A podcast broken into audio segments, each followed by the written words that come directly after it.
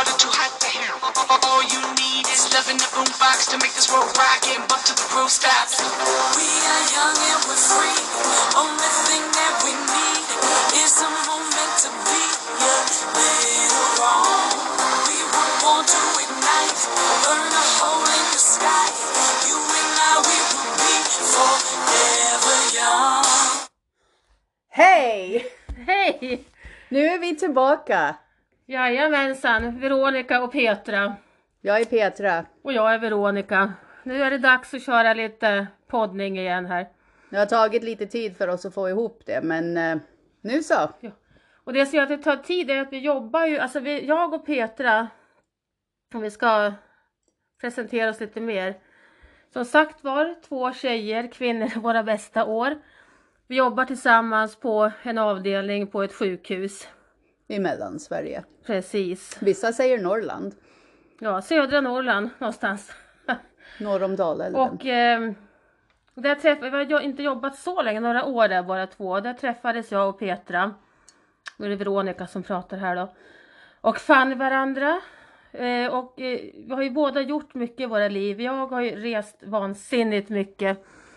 Och bott utomlands och bott här och där i Sverige och inte jobbat inom vården då så länge. Innan så var jag kock. Har till och med drivit en restaurang i Thailand minsann som kommer att komma i ett annat avsnitt. Och du Petra, du har ju som sagt var Ja, jag har jobbat inom sjukvården sedan jag var 19 kan man säga. När jag var 19 utbildade jag mig till ambulanssjukvårdare i USA då. Ja bara det, alltså USA vet du. Ja, det, det var stort men det var jättesnygga lärare så det var det jag och min kompis Shannon vi anmälde oss dit. Och, ja, men det var bra och det var kul. Mm. Ja, inte så kul sen men ja, det förstår ni om ni jobbar på ambulans. Men sen, sen jag kom, ja, jo jag kan säga så här. Eh, jag är född i Sverige, svenska föräldrar. Och eh, när jag var fem år flyttade jag och min mamma till USA för hon hade träffat en man. Ja, min mormor flyttade dit först, det var så vi kom dit. Men ja. Och eh, när jag var 24 år och min dotter var tre så skulle jag åka till Sverige och hälsa på min pappa. Men jag tyckte livet var lite tråkig just då så jag sålde allting och flyttade bara. ja, det kan jag förstå. Alltså, Det kan du. ja, jag har ju Ja. alltid tyckt livet här har varit ganska tråkigt. Alltså, nu, Nej, jag nu. menar i USA jag Jaha, tyckte det var tvärtom. tråkigt. Jag vill ju bara alltid ut, ut i världen. Ja. Men nu, om jag rätt okej. Men Sverige var, ja det här kanske jag sa sist nu när jag tänker efter. Men i alla fall när jag kom tillbaka till Sverige så läste jag in skola, grundskola, gymnasiet och så blev jag erbjuden en utbildning. Och så gick jag den.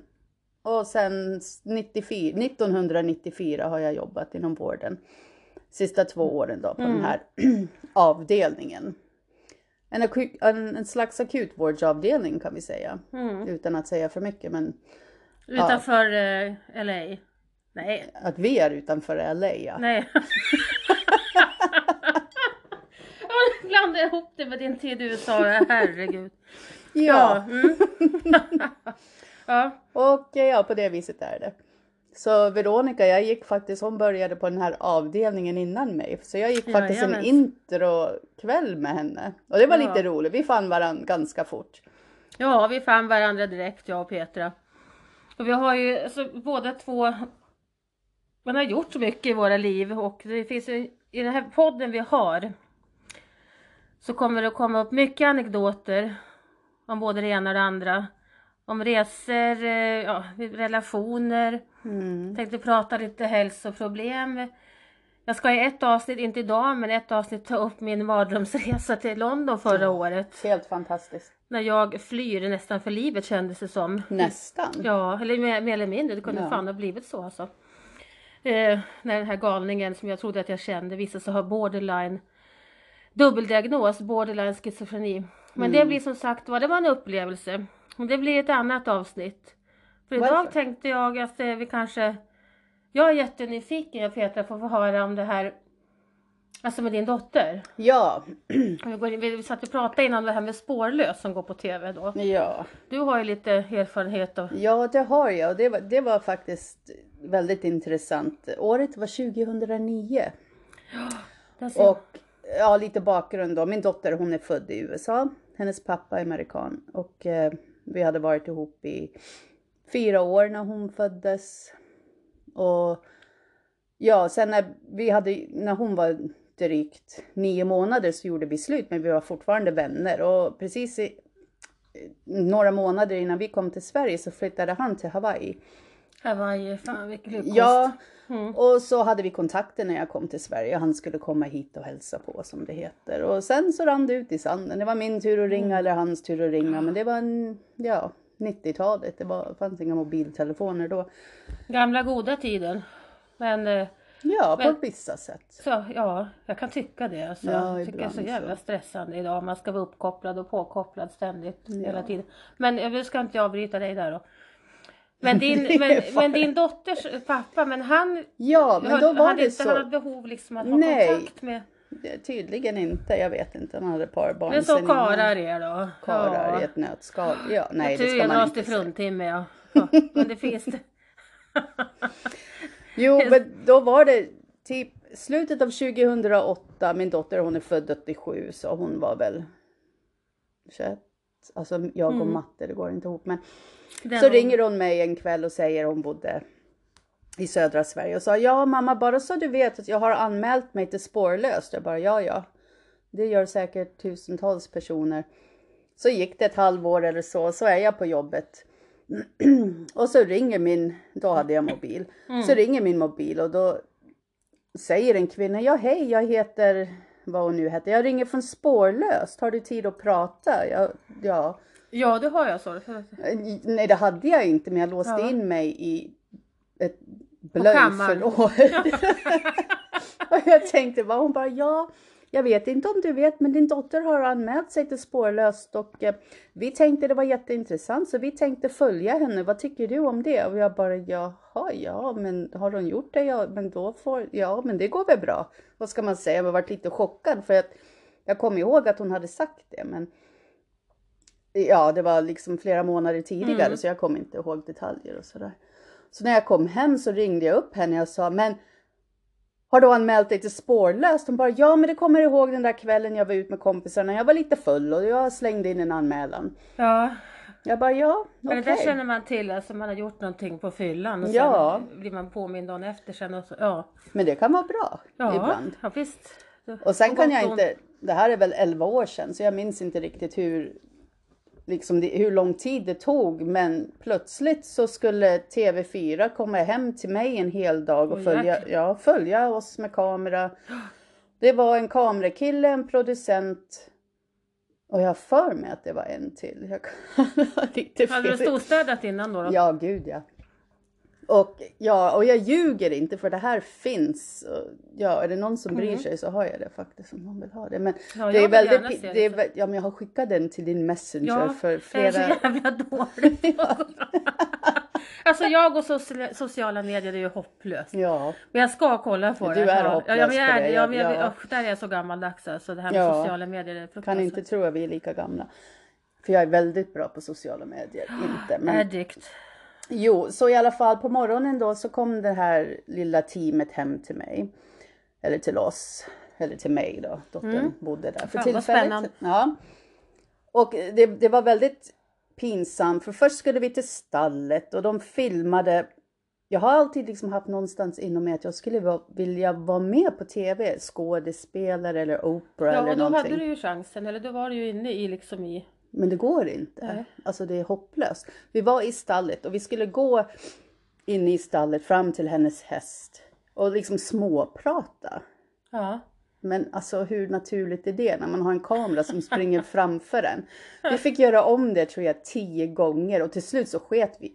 Vi sket i det, vi får svära här. Ja, Eller ja hur? gud, det här har Ja, vi inga ämnen. Nej. Och eh, jag kände bara, nej, det här, om det är så här att vara skådespelerska, det, det, det är ingenting för mig. För till slut när vi inte brydde oss, då gick det bra. Och sen var det tillbaka hem till mig och så skulle man köra det här klassiska, tönt, ja, töntiga tycker jag. Vi satt i soffan Och först kom jag med en kaffebricka. Aldrig i mitt liv har jag gått med en kaffebricka Ja, det med är- några bullar på Ja, det är fram. inte du. Det är Nej. liksom här sju sorters kakor också eller? Nej, jag vet inte. Jag kommer inte ihåg vad det var. Det var kanske lite Det, det är ballerinakex. lite och... töntvarning där. Ja, det men det, var är, det är lite så. Ja. Men det var deras idé. Mm. Så tog jag fram en sån här fotoalbum och vi, vi tittade på bilder på, på liksom när hon var liten och hennes pappa. Och, Mm. och sen fick jag sitta med en kamera i ansiktet och berätta om hur det hade gått Mm. till. Men kände du att det blev ett flow då till slut? Liksom att, Alltså jag ska vara ärlig. Att det och det här får du inte säga till någon. ja men du Men det här- alla här. Den här intervjun tog vi efter lunchbreaket. De åkte iväg och käkade. Mm. Jag drack ett par. Du drack ett par så här tequila-drinkar som vi dricker nu eller? nej, jag drack, nej, jag tror att det var. Ja, jag vet inte vad det var, men någonting säkert med vodka. Ja, någonting för att liksom Ja, för spänningen ska, ja, alltså, det, ska var, släppa. det var hemskt. Alltså det var hemskt att ha de här, den här kameran i ansiktet. Ja, fy fan. Och dessa frågor. Eh, och jag, jag ryser hela jag när jag tvingas titta på det här för att jag minns hur det kändes. På riktigt, vi kan titta på det efter vi har gjort det här Ja, Veronica. Du kommer jättegärna. att skratta Ja, ihjäl dig. jättegärna. Ja. Men i alla fall, nog om mig. Det var, det, det var en upplevelse. Eh, och senare när det började bli lite mörkt, för det här var, får se, avsnittet sändes i februari. Nej, den spelades in då. Ja, det måste ha varit typ november, december. Mm. Och på eftermiddagen då skulle jag ut och gå längs cykelvägen bakom vårat Mm. radhus där. och då sprang kameramannen och filmade mina fötter när jag gick. Och jag bara, men vad gör du? Han bara, nej men vi ska ha såna här lite... Ja, men det blir lite effekt vet Ja, och jag, men jag fattade, att jag tyckte det var så Spår, ja. Ja. Så Spår. skulle jag stå och titta in liksom i en gatulykta och liksom se fundersam ut. Jag Ja. kände bara nej. Jag, jag skulle... Det blev inte så naturligt. Det var så. Det kom inte med i programmet, det ska jag säga. Nej. Varken mina fötter eller mitt funderande tryn där. Nej, det var hemskt. Ja, Alltså, jag skratta. ja, men det var. Men i alla fall åkte dottern iväg då. Och hon åkte iväg med hon, vad hette hon, Ulrika Nilsson, hon som var med på Ja. MTV och hon Ja. och Gry Forssell som hade det där, Ja, vad det nu hette. Så då åkte bra. de till USA då? De åkte till Hawaii. Till Hawaii? Mm. Och jag ska säga, jag hade mycket kontakt med den här människan som ringde mig första gången. Vad hon nu hette, det kommer jag inte ihåg. visste jag inte då heller för det var jag för chockad för att komma ihåg. Och hon hela tiden, ja men, hon sa liksom flera gånger, ja men sist du visste bodde han i Salt Lake City. Och jag bara, nej, Cathedral City. Jag, bara, jag tänkte flera gånger, hur puckad är hon? Hör hon inte vad jag säger? Mm. Jag förstod sen. Mm. Och det är det här som är så jäkla tråkigt. De vet exakt vart personen de söker är innan de åker.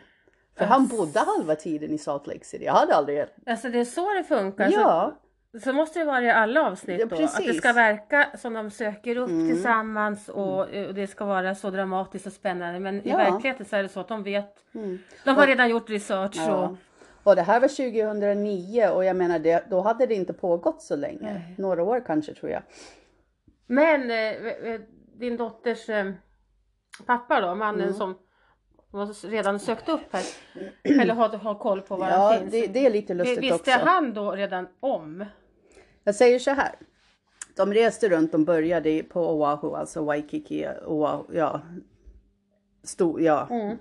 Honolulu kan man säga. Och sen så spåra och jag sa det hela tiden, ja men jag vet att han är i Hawaii. Det visste jag, för det, där var han sist jag hörde någonting. Och så reste de runt och det var spännande och de stötte på den ena roliga figuren. För han körde motorcyklar, Harley Davidson, hade lite Ja. lösa anknytningar med Hells Angels och sånt. Det. Ja, lite free, jag- free spirit. Ja, så när vi var ihop och han släpade mig med mig på såna här Hells Angels parties kommer jag i en rosa piké Ralph Lauren. Ja, du Ja. vet piké Ja, tröja. Ja. Var Och rosa också. rosa också, Gud, det värsta jag vet, 1986. rosa piké. Ja, men det är ju inne idag ju. Ja, det var inne då också. Inte, inte på Hells Angels fester då, men det funkar. Jag blev jättegoda vänner med dem. Jag var lite Mm. av en kuf kanske, jag vet inte. Men när de hittade honom i alla fall. Nej, jag ska säga så här. Medan de var borta så var jag och min familj då i Vemdalen. Så fick jag telefonsamtal på morgonen så, så är det min dotter så säger hon Mamma nu har jag hittat honom. Jag bara jaha vad kul. Ska du prata med honom? Och jag bara nej det behöver jag inte. Så plötsligt hej eller hello. Och jag, och jag har inte pratat med den här karln på Ja, ja, dag. 20 år kanske. Eller nästan. Och då är de där då på Hawaii. Ja, och, han, och då frågar jag honom, var du överraskad? Vet du vad han säger? Nej. Ja, jag har väntat i fem månader på det här. De hade kontaktat honom. Jaha, det är Ja. så det går till. Det är så det går till. Och när man tittar på avsnittet, Mm. när han öppnar dörren och Ulrika berättar om hans dotter, han bara åh, äntligen, ja han kommer inte ihåg exakt vad, det är ganska länge sedan jag såg det, men eh, han, han försäger sig. Vet man, då, då ser man att han, och jag vill bara dementera att han såg inte ut så där när vi var ihop, utan han var jättesnygg. Han är sex ser år äldre. som ett ras nu då eller? Nej men han, han är ganska tjock. Och det, han såg ut som en Tom, alltså alla tyckte han såg ut som Tom Hanks när han var... Men du ska ju tjockt, det är pondus. Ja det vet jag inte heller man ska på. Säga hade- lite finare. Nej det, nej det tycker jag inte. I alla fall så det är jättefint eh, avsnitt. Men det är intressant att höra det där att hur det går till när man tror. Nu har inte jag sett Spårlöst så jätteofta, det är inte mitt favoritprogram. Jag vet syrran min, hon följer ju det slaviskt. Men att ehm, man har ju trott att de inte vet någonting och Nej. verkligen söker upp under programmet. Ja. Jag väl haft mina misstankar men, men nu vet Men man då. självklart, jag menar man kan inte resa Nej. jorden runt utan att Nej. veta att man hittar Nej. någon i alla fall. Hittar man inte den man söker så hittar man någon annan Ja, som passar in. Ja. Men det var lite roligt också för att berätta, en av killarna som följde med på resan, en sån här alltid alla och en ung kille. Han försökte stöta på henne och hon var inte intresserad men då berättade han att den resan de hade varit på innan Mm. då var de, jag kommer ihåg, det var två systrar, det var nere i Europa någonstans, jag kommer inte ihåg, men han hade, bli, han hade varit med båda två. Så han tyckte att det var hans grej. Jaha, ja ja. Men hos min dotter kom han ingenstans. nej, där var Hoppas jag. dörren stängd. Ja. Jo, men eh, ja, det finns där, Hawaii, det är kanske någon som har sett det. För jag vet, jag träffar folk efter när, vi, när man har, jag vet inte om man har kommit in på det, som har bara, nej men gud vad det är din dotter, åh vad jag grät. Men har de det- kontakt nu då? Ja, det tror jag. Ja. Till och från sådär. Hon har nästan mer kontakt med hans fru. Jaha. Ja, det var lite roligt också, för som jag sa tidigare, han hade två söner sen förr som på min tid, när jag träffade honom var de två och fyra. De visste hon inte heller om. För hon visste inte om min dotter. Hon Nej. visste inte om hans två andra barn, men nu vet Ja, hon. Men hon, är lite jätte, hon verkar. Ja. jättegullig, så hon har verkligen liksom Ja. hon. Men hur det är med han, det, jo det är klart de har kontakt, men jag Mm. brukar inte lägga mig i det. Alltså jag måste ju, sen när vi har spelat in podden då ska jag titta på det här. Ja, men vi kan titta på Ja, det när vi har gjort precis, det. här. ja. Och jag tänkte, fan vilken story. Men du, ska vi ta en stänkare? Skål. Skål! Det är så att jag blev bjuden här på en drink av Petra. Petra är jävligt duktig på drinkar, på cocktails. Ja, au. Ja men det är det ju verkligen. ja, den här var jag väldigt Herregud. duktig på. Den här slängde jag bara ihop i en tillbringare. Ja, och eh, ska vi säga vad det är? Alltså det var Ja, ju så men jag, gott kö- det jag köpte en bok. Mm. En... Ja, jag gillar reality. Jag med. Ja, hon Om det är någon som lyssnar som följer Wonder Pump Rules på TV. Det är den nyöppnade baren, Tom Tom. Ja. Dit vi var som... Pratade vi om det sist? Jag kommer inte ihåg. Nej, jag kommer inte ihåg. Jag, jo, men det, jo, det gjorde du visst. Du Ja, nämnde att det jag var hade in- med den här boken Ja. hem till dig sist, men Mm. vi hann aldrig titta i den. Men idag har vi titta i den. Eh, två av eh, de som spelar i den här, eller spelar, som är med i Vanderpump Ja. Rules, de har gett ut en drinkbok som heter Fancy AF Cocktails. Jävligt roliga drinkar. Man, Ja. man sitter och bläddrar in där Och just den här som jag provisoriskt bara slängt ihop nu till Veronica och jag, det är en som jag drack på TomTom i november. Som jag drack alldeles för många av. Som Och var väldigt dyr var dyr, den, va? dyra som satan. Men ungefär, hur har jag hört. betalar för den ungefär Alltså då? du får fråga Niklas när han kommer hem för det kan jag inte svara säkert, på. eh, säkert ett par 300. Eh, tänk, nej, så mycket tror jag inte. Men säkert 160-170. Ja, ja. Men då den här boken har en massa goda recept. Ska vi ta och avslöja vad det är i den här drinken eller ska det vara lite Ja, det är... ehm, det är, vad heter det där på svenska? Det är, vad heter det, inlagd, Nej, rökt pap, inlagd, rökt, inlagd rökt. paprika, alltså som man Ja. köper på burk bara. Ja, som jag har hackat och slängt ner i en tillbringare så hade jag på lite stevia, sötströ. Eh, jag orkade inte göra sockerlag eller stevia-lag då eftersom jag är keto så jag kör inte Ja, du gjorde en keto. Ja fast det är passionsfruktjuice och den är inte keto Ja, men det, nej. det har vi överseende med. Ja, Så är det limejuice ganska mycket. Passionsfruktjuice. tequila, Tequila. inte att förglömma. inte förglömma tequila. Och eh, lite Loka för att dryga ut det hela. Annars är det så små drinkar och då Och sen har vi chilipeppar runt kanten Ja. lite fint har på gjort glaset. en klassisk sån här um, kant på glasen. Du Mm. har väldigt mycket chili kvar på din. Min var borta två drinkar sen. Mm. Nu brinner lite i käften på mig. Ja, Men, Men- alltså jag har sällan smakat en sån god drink. ja men det är paprika. Man kan inte tro att Nej. röd paprika. För att i originalreceptet så är det röd paprika och mynta som man muddlar. Men det orkade jag inte så jag bara. Mm. Mm. Därför att eh, jag är inte jättestor sån här cocktailentusiast. Det är mer brännvin och Nej, fan. sockerbit. Jag tycker om vin, whisky, en GT, ja, Mm. mojito, Mm. sådär. Men nu blir det mer, alltså du den här boken då ska vi prova oss fram, smaka av goda oh, drinkar. Ja, jag har flaggat de bästa recepten. Mm. Till nästa podd får vi ta. Ja, nästa podd får vi ta, vad fan hette den jag såg på jobb, eller på jobb, jag har ju faktiskt inne och googlat. Skinny Bitch tror jag den hette. Ja men det är vad jag Det ju- inte dricker. Det är bara vodka Det är bara och Loka och Vodka citron. och Loka. Ja. det var det Malin höll på att reta. Nej men morsan hon dricker en sån här skinny bitch. Och jag bara jaha vad heter det? Ja. Ja, men jag kunde bli det. En bitch är jag väl ibland, men inte så skinny. ja. Nej usch, det där var Nej, inget roligt. Nej Men, det är eh, tråkigt. Men det, det här var ju en jäkla historia här. Jag tänkte, eftersom vi har ganska mycket tid på oss, så ska jag dra lite om det här äh, vansinnes... Ja jag tycker det. För jag kommer eh, ihåg när det hände i real life. Och ni Mm. som känner oss och var där då på jobbet alltså när man fick höra det här. Det Men, var... När den här människan till och med ringer till jobbet Ah. mitt i natten och... eh, Ja men börja från början. alltså, det var ju hemskt. Ja, nu byter vi ämne här, men det var ju den här tjejen från England, London. Eh, ja, jag kan till och med säga namn hon sitter ju knappast och kan lyssna på det här och förstår inte svenska. Kate, henne lärde jag känna när jag bodde i Thailand i drygt sex år, hade restaurang där. Och eh, på en av de här turistöarna, Koh Chang. Och hon levde då tillsammans med en thailändsk man och de drev också en liten bar på den andra sidan ön. Vi lärde känna varandra men, och blev ja, vänner men inte nära vänner på något vis. Vi träffades då och då. Jag var upptagen på mitt håll och hon på sitt håll.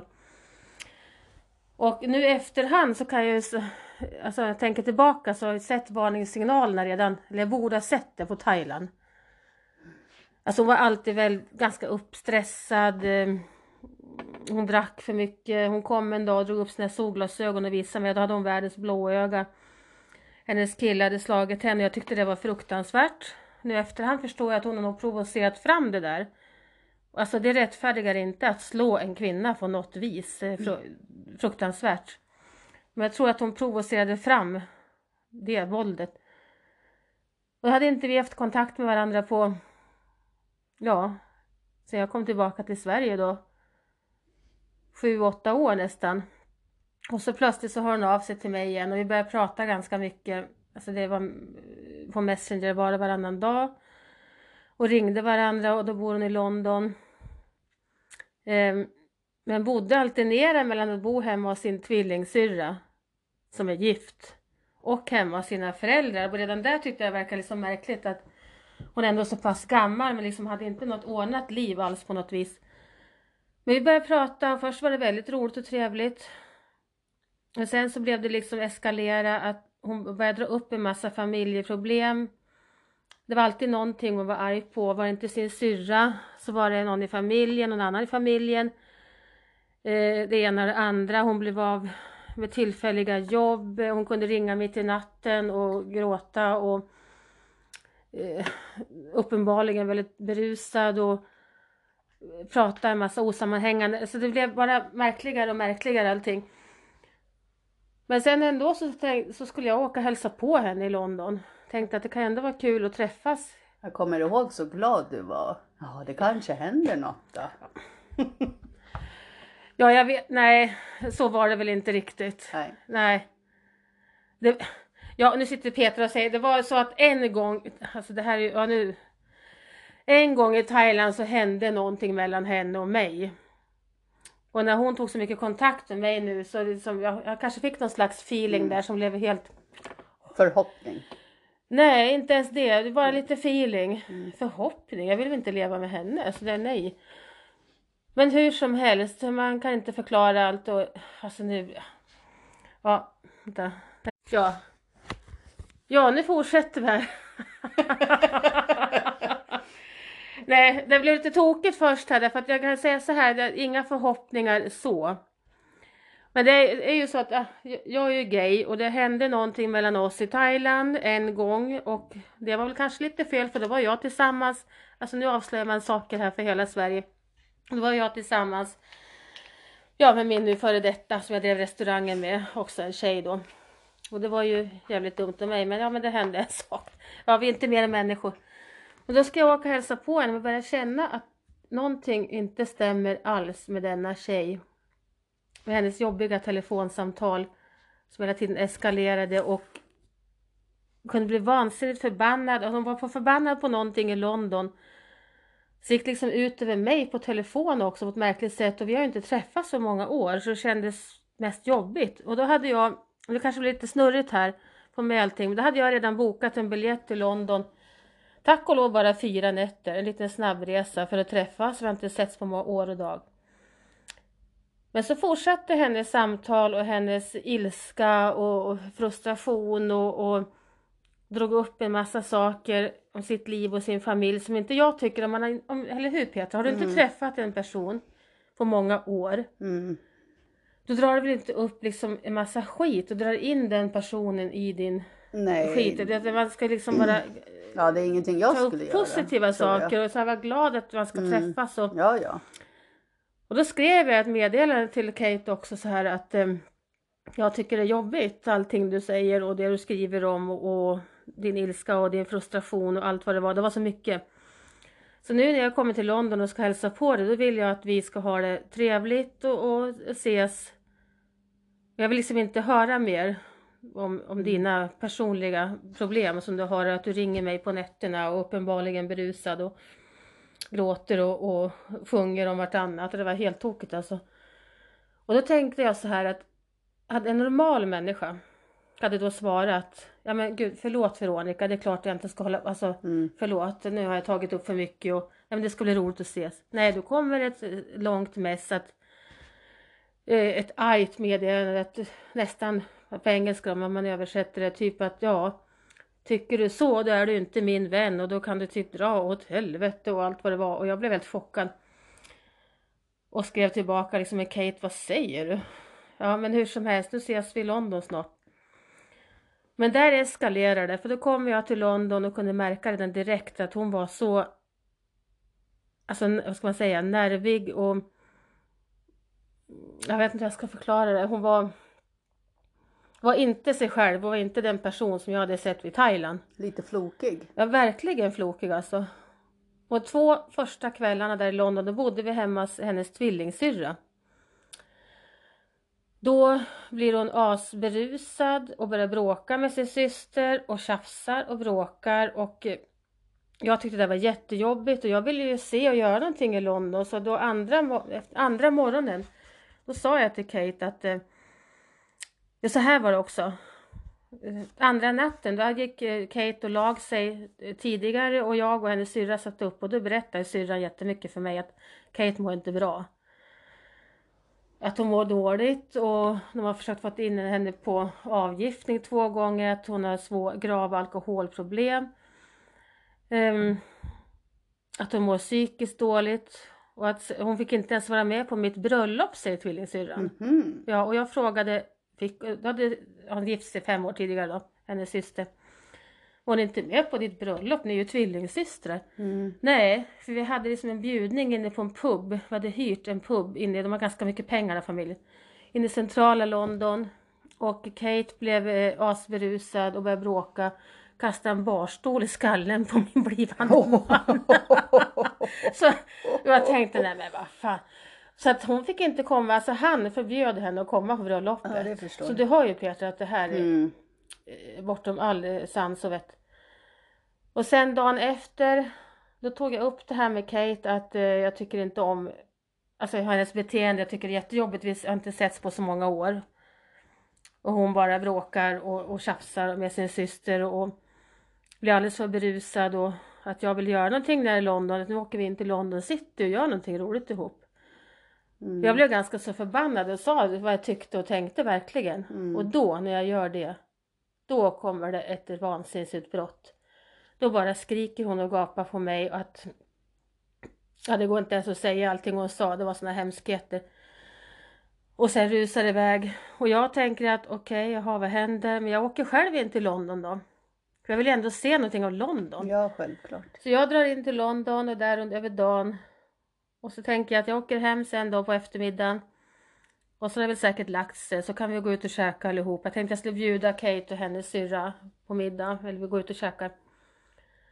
Men då kommer ett meddelande på telefon från henne att du ska ut ur huset. Nu, annars så typ dödar jag dig. Åh gud. Så jag, alltså det var så hemskt. Bara när jag, skår, bara när jag ser det meddelandet så får jag nästan panik. Jag Mm. tänkte, så jag kastar mig in i en taxi. Taxi, och dyrt blev det också. Hem till huset där. Det var inte varken Kate eller tvillingsyrran där. Låser in mig på rummet. Eh, tar och eh, panikbokar ett hotell inne i London för dagen efter. Och dagen efter kastar mig in i en taxi och till detta hotell.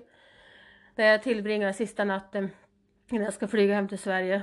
Och sen under den sista natten då kommer det på min telefon, jag stängde av ljudet i slutet. Mm. Men jag- men ändå jag kunde se alla meddelanden. Det bara rasade in en massa hemska meddelanden. Att eh, ja, du ska dö, jag kan förstöra ditt liv, jag ska nog... eh, Alltså det, det, var, det var det mest Mm. hemska saker. Och jag var inte Du vattenvärd. jobbar inte på sjukhus, du Nej, så- städar nej. toaletter eller? Jag tror du ljuger om att jobba på sjukhus. Du är en toalettstädare om ens det. Mm. Du ska krypa runt i ett hörn som en hund och du ska dö, jag kan förstöra ditt liv. Och, och jag svarade inte och när jag inte svarade Mm. så eskalerade från hennes sida. Och det glömde jag säga att redan innan jag åkte till London så hade jag börjat misstänka om, och det pratade jag faktiskt med med mm. mina vänner om det här med borderline, jag vill nog googla på det. Mm. Bo, alltså borderline-diagnosen. Mm. Och det var som att pricka av en checklista Ja. med allting. Det här är ett eh, fruktansvärt humör och som inte har relevans till det som händer. Att, Mm. Vi kan alla bli förbannade och arga. Mm. Men det här är en sån otrolig ilska som bara kom blixtsnabbt. Och utan någon större anledning. Och, eh, och det här med borderline-personer, att de kan först vara väldigt insmickrande, precis som hon var. Och vad roligt att vi träffas Veronica, jag saknar dig, bla bla. Nästa sekund så är du inte vattenvärd och det kommer hemskheter ut käften på denna person. Eh, självskadebeteende, för det har hon tydligen ägnat sig åt också. Eh, det här att inte kunna behålla ett jobb, eh, ge sig in i märkliga destruktiva sex... Ja, ursäkta, ja.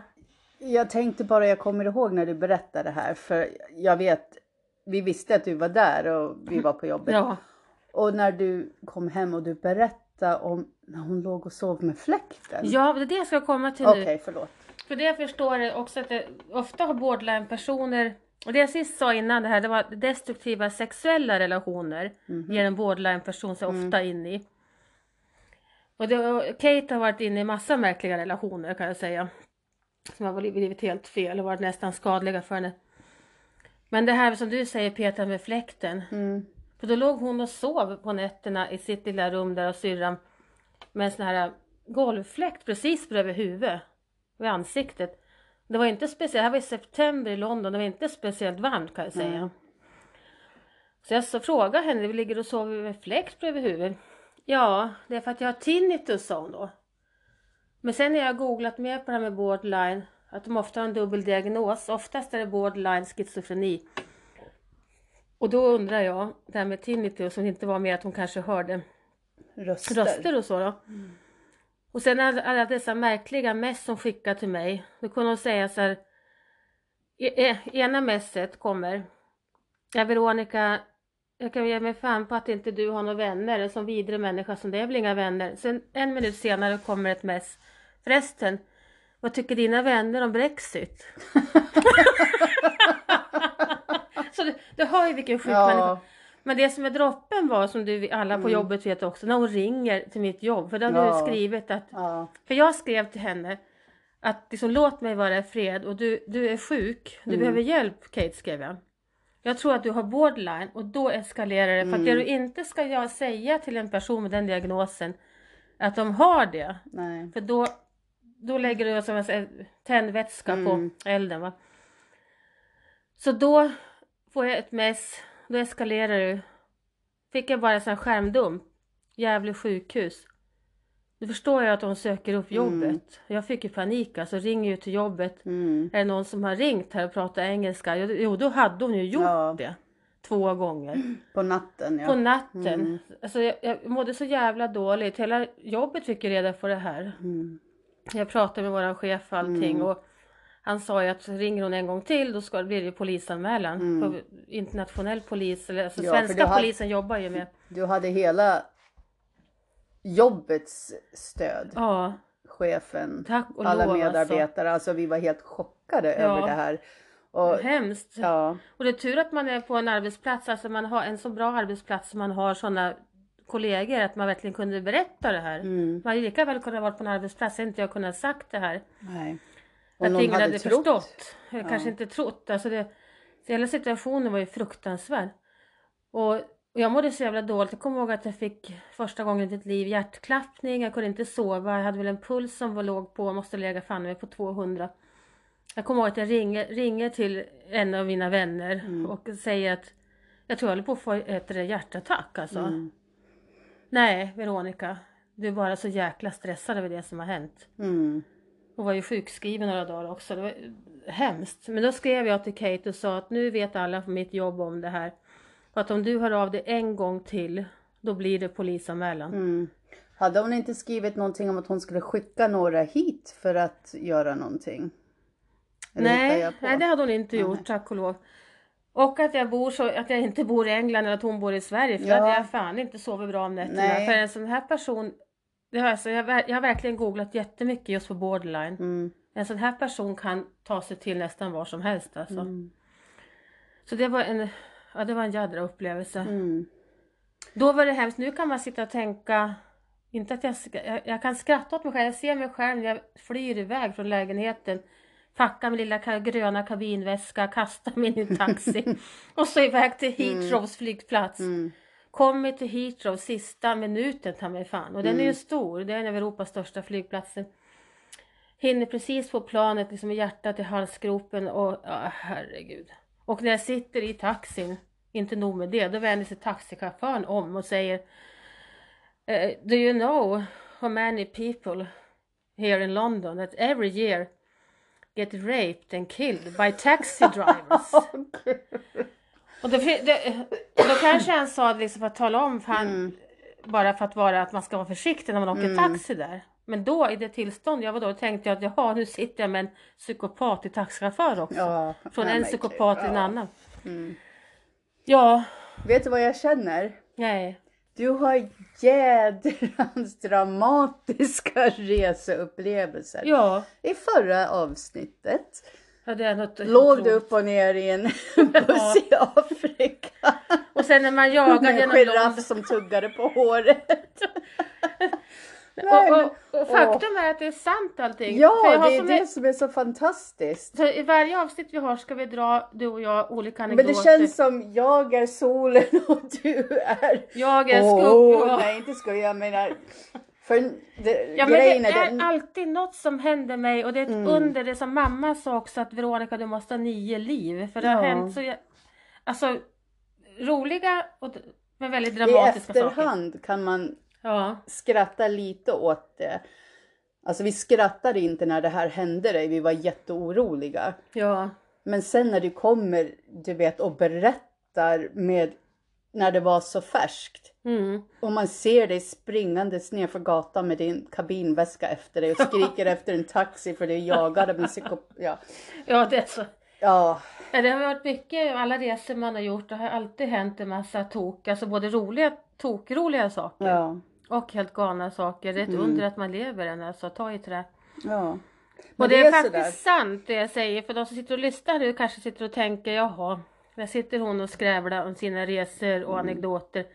Det kanske bara är uh, uppdiktat allting. Men det är det faktiskt Nej. inte. Sanningen är när man har levt så här länge så har man faktiskt ganska många historier att berätta. Samla på sig både det ena och det andra. Ja, Så när vi har den här podden Petra, då, ja, det finns alltid någonting att berätta. ja. Både stort och litet. ja, det känns som det kommer aldrig att ta slut. Nej, vi kommer sitta här år efter år. Men nu, nu ska vi göra ett litet uppehåll för reklam. Du, du. Så, efter reklam... Reklamavbrottet. ja, toabesök. Nej, jag tänkte jag skulle vilja fråga från det ena till det andra Petra. Jag är jävligt nyfiken på henne. Du bodde i USA då. Det var din mormor som kom dit först. Hur Ja. kom det sig att hon flyttade dit? Ja, för att min morfar, eller min låtsasmorfar som jag fick reda på ja, jag kan, ja, senare, eh, hade varit otrogen. så hon Ja, ser. sur. Ja. Så hon drog till USA som... Så jag han kom- var otrogen här hemma. Hon blev så I jävla sur. Uppsala, så, I ja. Uppsala. Så hon blev så jävla sur så hon drog till USA. Hon drog till Kalifornien. Ja, med all rätt. Fick jobb som typ au pair i en familj. Vad jag förstår. Och sen på något vis så hamnade hon hon hamnade inte i Las Vegas. Däremot så fick hon jobb hos, och det kan jag säga nu för alla är döda, men hos någon gangster. En av de här, jag kommer inte ihåg namnet, men han som... Al Capone. Nej, nej, det här var på liksom 70-talet, Ja, slutet på 60, okej, och den här var- slutet var 68 död i måste det ha 20 år. varit. Eh, han som hade startat Caesars Palace och han hade ett hus i Palm Springs som hette Desert Palace. Mm. Jo, så hon har berättat många historier när hon var, hon liksom var hushållerska eller tog hand om huset. Och det var inte alltid de var där men hon berättade, de kunde ringa mitt i natten. Ja nu kommer vi och vi har en skottskadad med oss och har det här och det här. och jag kommer ihåg när jag var 15, 16, nej 16, 17 måste jag ha varit. Eh, när hon bodde där, nej det gjorde hon. Bara, jag kan inte ha varit yngre. Eh, så var jag dit med min pojkvän i alla fall. Och jag vet vi var i jacuzzin och i den där jacuzzin hade, vad heter han, George Hamilton, du vet den här sol... jävlar. ja, mm. liksom haft en massa parties. Det finns liksom bild, om man tittar på gamla bilder för det är uppe i Han har kanske bergen. suttit i den där jacuzzin han vet du. Suttit! Le, legat. eh, Legat, alltså. men- Jaha. Ja, jo. Men jag kommer ihåg, vi snodde lite champagne, alltså dyr champagne, inte när man var 16, inte visste man någonting om Mm. Nej. det. Man blandade konjak med Dr. det var ingen sån här liksom. prosecco för 79 kronor. Nej, nej, nej, det var, oj, oj, jag vet inte ens vad det hette. Och sen, men i alla fall, hon hade flyttat dit och när jag var två år så åkte jag och min mamma över för att hälsa på henne. Mm. Min mamma och pappa var inte ihop då.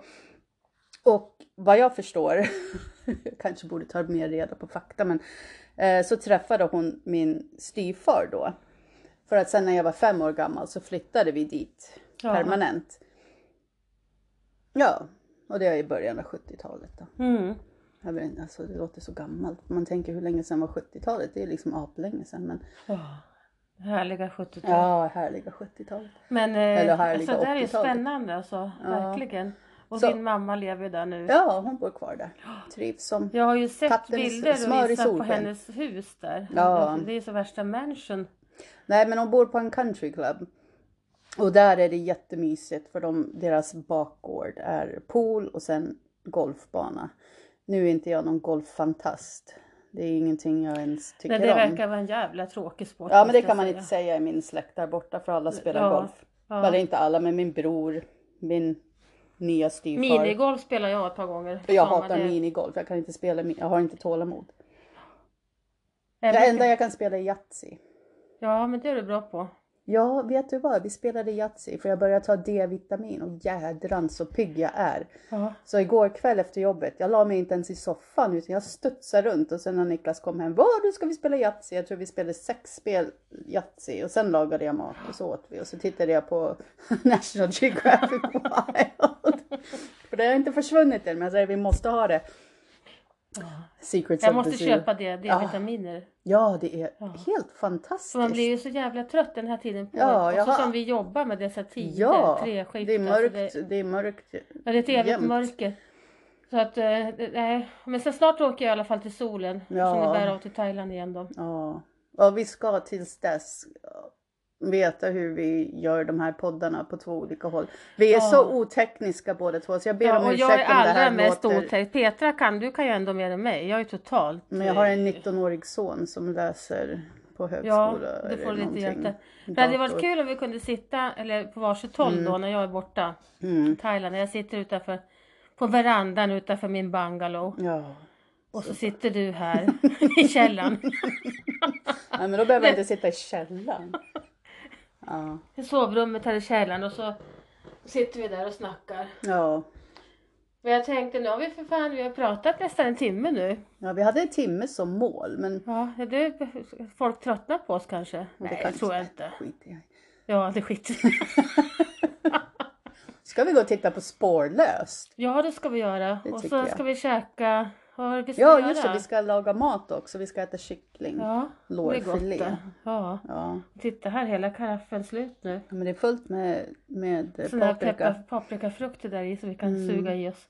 Ja, det kan man göra. Ja, men Mm. jag, vi säger Ska vi Så säga så för den här gången? ja.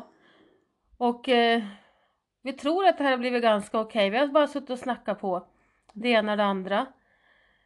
Ehm, vissa kanske uppfattar det som rörigt, vi byter lite ämnen hit och dit, men man kommer ju in på olika ämnen så det är ju bara låta det flyta på. Ja. Vi sitter ju inte här med någon manus, Nej, det gör vi verkligen inte. utan Utan bara låter flöda som det, det kommer. flödar, ja. Vilket flow.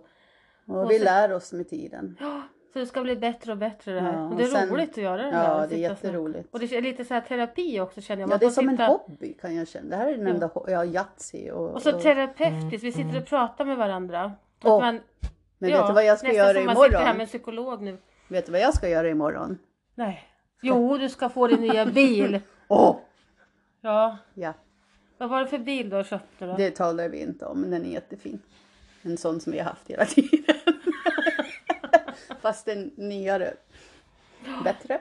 Ja, Mm. själv ska jag till jobbet då på min gamla cykel. Ja. Men det blir okej. Men vi har som sagt var jättemycket att prata om och eh, hoppas några tycker om att lyssna på det. Det blir nya anekdoter. Mm, historier. Ja, historier. Det finns ju hur mycket som helst. Jag har suttit hemma och funderat.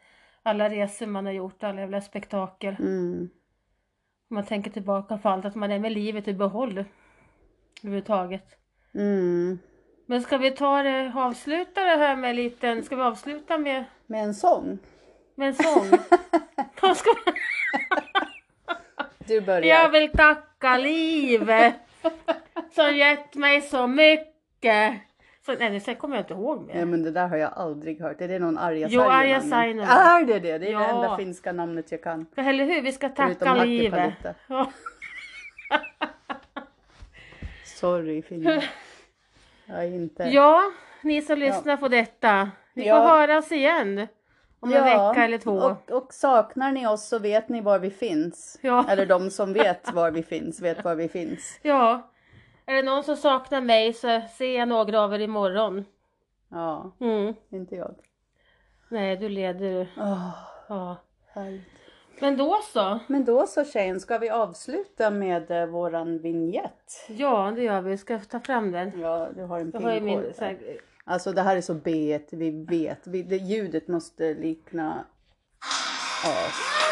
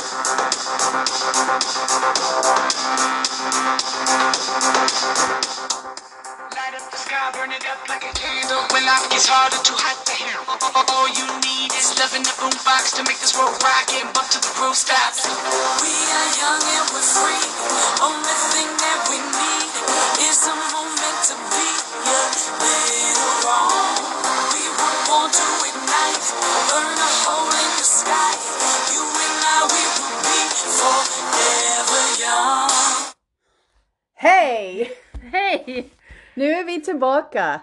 Jajamensan, Veronica och Petra.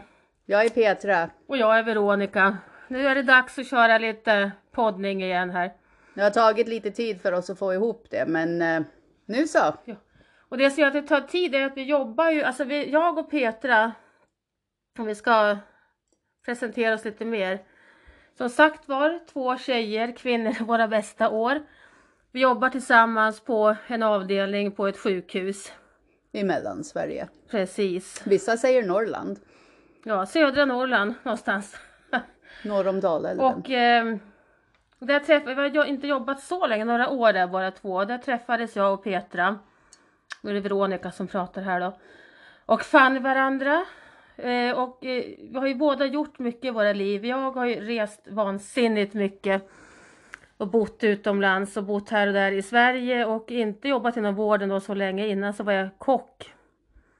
Har till och med drivit en restaurang i Thailand minsann som kommer att komma i ett annat avsnitt.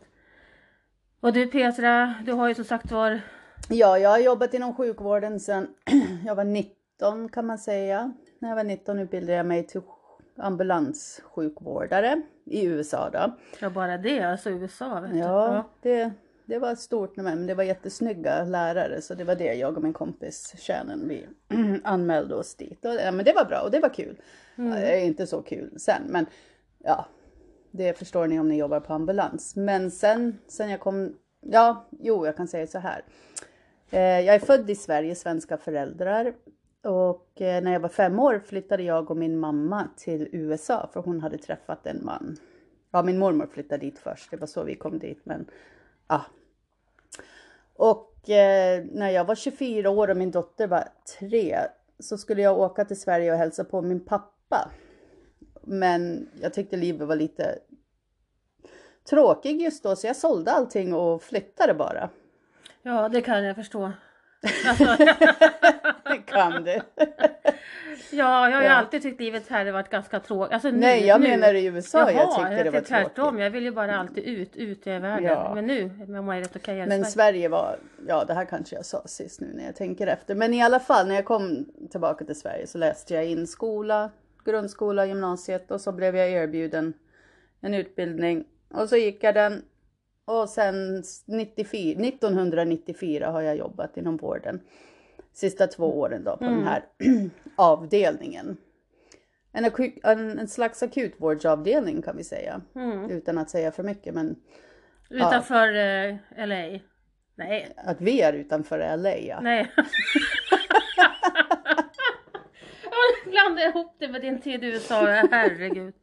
Ja, Mm. ja. och eh, ja på det viset är det. Så Veronica, jag gick faktiskt, hon började på den här avdelningen innan mig. Så jag gick faktiskt en Jajamän. introkväll med henne. Och det var Ja. lite roligt, vi fann varandra ganska fort. Ja, vi fann varandra direkt, jag och Petra. Och vi har ju alltså, båda två, man har gjort så mycket i våra liv och det finns ju, i den här podden vi har så kommer det att komma upp mycket anekdoter om både det ena och det andra. Om resor, eh, ja, relationer. Tänkte prata lite hälsoproblem. Jag ska i ett avsnitt, inte idag, men ett avsnitt ta upp min mardrömsresa till London förra året. Helt fantastiskt. När jag flyr nästan för livet kändes det som. Nästan. Ja, eller mer, mer eller mindre. Det kunde Ja. fan ha blivit så alltså. Eh, när den här galningen som jag trodde att jag kände visade sig ha borderline dubbeldiagnos, borderline schizofreni. Men Mm. det blir som sagt var, det var en upplevelse. Det blir ett annat avsnitt. För idag Varför? tänkte jag att eh, vi kanske... Jag är jättenyfiken Petra på att få höra om det här Alltså med din dotter. Ja, Vi, går in, vi satt och pratade innan det här med spårlös som går på tv då. ja. Du har ju lite erfarenhet av... Ja, det har jag det var, det var faktiskt väldigt intressant. Året var 2009 Där ser jag. och ja, lite bakgrund då. Min dotter hon är född i USA. Hennes pappa är amerikan och eh, vi hade varit ihop i fyra år när hon föddes. Och ja, sen när vi hade, när hon var drygt nio månader så gjorde vi slut, men vi var fortfarande vänner. Och precis i, några månader innan vi kom till Sverige så flyttade han till Hawaii. Hawaii, fan vilken lyckost. Ja, Mm. och så hade vi kontakter när jag kom till Sverige. Han skulle komma hit och hälsa på som det heter. Och sen så rann det ut i sanden. Det var min tur att ringa eller hans tur att ringa. Men det var en, ja, 90-talet. Det var, fanns inga mobiltelefoner då. Gamla goda tiden. Men eh, Ja, på Men- vissa sätt. så, ja, jag kan tycka det. Alltså. Ja, jag tycker det är så jävla stressande idag. Man ska vara uppkopplad och påkopplad ständigt Ja. hela tiden. Men jag ska inte avbryta dig där då. Men din, men, men din dotters pappa, men han Ja, men då var hade det inte han så. behov liksom att ha Nej. kontakt med... Tydligen inte. Jag vet inte. Han hade ett par barn Men så karlar är då. Karlar ja. i ett nötskal. Ja, nej det ska man inte säga. fruntimme ja. ja. Men det finns det. Jo, men då var det typ slutet av 2008. Min dotter hon är född 87 så hon var väl 21. Alltså jag och Mm. matte, det går inte ihop. Men Den så var- ringer hon mig en kväll och säger hon bodde i södra Sverige och sa ja mamma bara så du vet att jag har anmält mig till spårlöst. Jag bara ja ja. Det gör säkert tusentals personer. Så gick det ett halvår eller så, så är jag på jobbet. och så ringer min, då hade jag mobil. Så ringer min mobil och då säger en kvinna, ja hej jag heter, vad hon nu heter, jag ringer från spårlöst, har du tid att prata? Jag, ja. Ja det har jag så. Eh, Nej det hade jag inte men jag låste Ja. in mig i ett blöjförråd. och jag tänkte bara, hon bara ja, jag vet inte om du vet men din dotter har anmält sig till spårlöst och eh, vi tänkte det var jätteintressant så vi tänkte följa henne. Vad tycker du om det? Och jag bara jaha, ja men har hon gjort det? Ja men då får, ja men det går väl bra. Vad ska man säga? Jag har varit lite chockad för att jag kom ihåg att hon hade sagt det men Ja, det var liksom flera månader tidigare Mm. så jag kommer inte ihåg detaljer och sådär. Så när jag kom hem så ringde jag upp henne och sa men har du anmält dig till spårlöst? Hon bara ja men det kommer jag ihåg den där kvällen jag var ute med kompisarna. Jag var lite full och jag slängde in en anmälan. Ja, Jag bara ja men okej. det där känner man till, alltså man har gjort någonting på fyllan och Ja. sen blir man påmind dagen efter sen och så, ja. Men det kan vara bra Ja, ibland. ja visst. Och sen kan jag inte, det här är väl 11 år sedan så jag minns inte riktigt hur, liksom det, hur lång tid det tog men plötsligt så skulle TV4 komma hem till mig en hel dag och följa, ja, följa oss med kamera. Det var en kamerakille, en producent och jag har för mig att det var en till. Jag lite Hade du fel. storstädat innan då? då? Ja, gud ja. Och, ja, och jag ljuger inte för det här finns. Ja, är det någon som bryr sig så har jag det faktiskt om någon vill ha det. Men Mm. Ja, det jag är väldigt, det, det är, ja men jag har skickat den till din messenger Ja, för det är så flera. jävla dåligt. alltså jag och soci- sociala medier är ju hopplöst. Ja, Men jag ska kolla på Du det. är ja. hopplös ja, men jag på är, det, Ja, jag- men jag, ja. usch, där är jag så gammaldags alltså. Det här med Ja. sociala medier är kan inte tro att vi är lika gamla. För jag är väldigt bra på sociala medier. Inte. Men, Addict. Jo, så i alla fall på morgonen då så kom det här lilla teamet hem till mig. Eller till oss. Eller till mig då. Dottern bodde där för Mm. Fan, tillfället. Ja. Och det, det var väldigt pinsamt för först skulle vi till stallet och de filmade.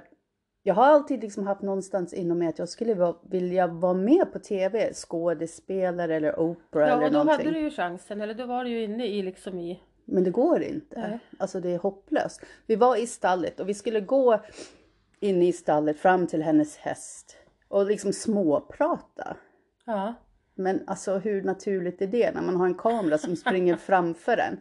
Vi fick göra om det tror jag tio gånger och till slut så sket vi. Vi sket i det, vi får svära här. Ja, ja gud, det här har Ja, vi inga ämnen. Nej. Och eh, jag kände bara, nej, det här, om det är så här att vara skådespelerska, det, det, det är ingenting för mig. För till slut när vi inte brydde oss, då gick det bra. Och sen var det tillbaka hem till mig och så skulle man köra det här klassiska, tunt, ja, töntiga tycker jag. Vi satt i soffan. Och först kom jag med en kaffebricka. Aldrig i mitt liv har jag gått med en kaffebricka det med är- några bullar på Ja, det är fram. inte du. Det är Nej. liksom här sju sorters kakor också eller? Nej, jag vet inte. Jag kommer inte ihåg vad det var. Det var kanske Det, lite det är ballerinakex. lite Och... töntvarning där. Ja, det Men det, var är, det är lite så. Ja. Men det var deras idé. Mm. Så tog jag fram en sån här fotoalbum och vi, vi tittade på bilder på, på liksom när hon var liten och hennes pappa. Och, Mm. och sen fick jag sitta med en kamera i ansiktet och berätta om hur det hade gått Mm. till. Men kände du att det blev ett flow då till slut? Liksom att, Alltså jag ska vara ärlig. Att det och det här får du inte säga till någon. ja men nu Men det här- alla här. Den här intervjun tog vi efter lunchbreaket. De åkte iväg och käkade. Mm. Jag drack ett par. Du drack ett par tequila-drinkar som vi dricker nu eller? nej, jag drack, nej, jag tror att det var Ja, jag vet inte vad det var, men någonting säkert med vodka. Ja, någonting för att liksom Ja, för spänningen ska, ja, alltså, det, ska var, släppa. det var hemskt. Alltså det var hemskt att ha de här, den här kameran i ansiktet. Ja, fy fan. Och dessa frågor. Eh, och jag, jag ryser hela jag när jag tvingas titta på det här för att jag minns hur det kändes. På riktigt, vi kan titta på det efter vi har gjort det här Ja. Du kommer att skratta Ja, ihjäl dig. jättegärna. Ja. Men i alla fall, nog om mig. Det var, det, det var en upplevelse. Eh, och senare när det började bli lite mörkt, för det här var, får se, avsnittet sändes i februari. Nej, den spelades in då. Ja, det måste ha varit typ november, december. Mm. Och på eftermiddagen då skulle jag ut och gå längs cykelvägen bakom vårat radhus där. och då sprang kameramannen och filmade mina fötter när jag gick. Och jag bara, men vad gör du? Han bara, nej men vi ska ha såna här lite... Om det blir lite effekt vet Ja, och jag, men jag fattade, att jag tyckte det var så Spår, töntigt. ja. Ja. Så skulle jag stå och titta in liksom i en gatulykta och liksom se fundersam ut. Jag Ja. kände bara nej. Jag, jag skulle... Det blev inte så naturligt. Det var så... Det kom inte med i programmet, det ska jag säga. Nej. Varken mina fötter eller mitt funderande tryn där. Nej, det var hemskt. Ja, Alltså, börjar skratta. ja, men det var... Men i alla fall åkte dottern iväg då. Och hon åkte iväg med hon, vad hette hon, Ulrika Nilsson, hon som var med Ja. på MTV och hon Ja. och Gry Forssell som hade det där, Ja, vad det nu hette. Så då åkte bra. de till USA då? De åkte till Hawaii. Till Hawaii? Mm. Och jag ska säga, jag hade mycket kontakt med den här människan som ringde mig första gången. Vad hon nu hette, det kommer jag inte ihåg. Visste jag inte då heller för det var jag för chockad för att komma ihåg. Och hon hela tiden, ja men, och hon sa liksom flera gånger, ja men sist du visste bodde han i Salt Lake City. Och jag bara, nej, Cathedral City. Jag, bara, jag tänkte flera gånger, hur puckad är hon? Hör hon inte vad jag säger? Mm. Jag förstod sen. Mm. Och det är det här som är så jäkla tråkigt. De vet exakt vart personen de söker är innan de åker.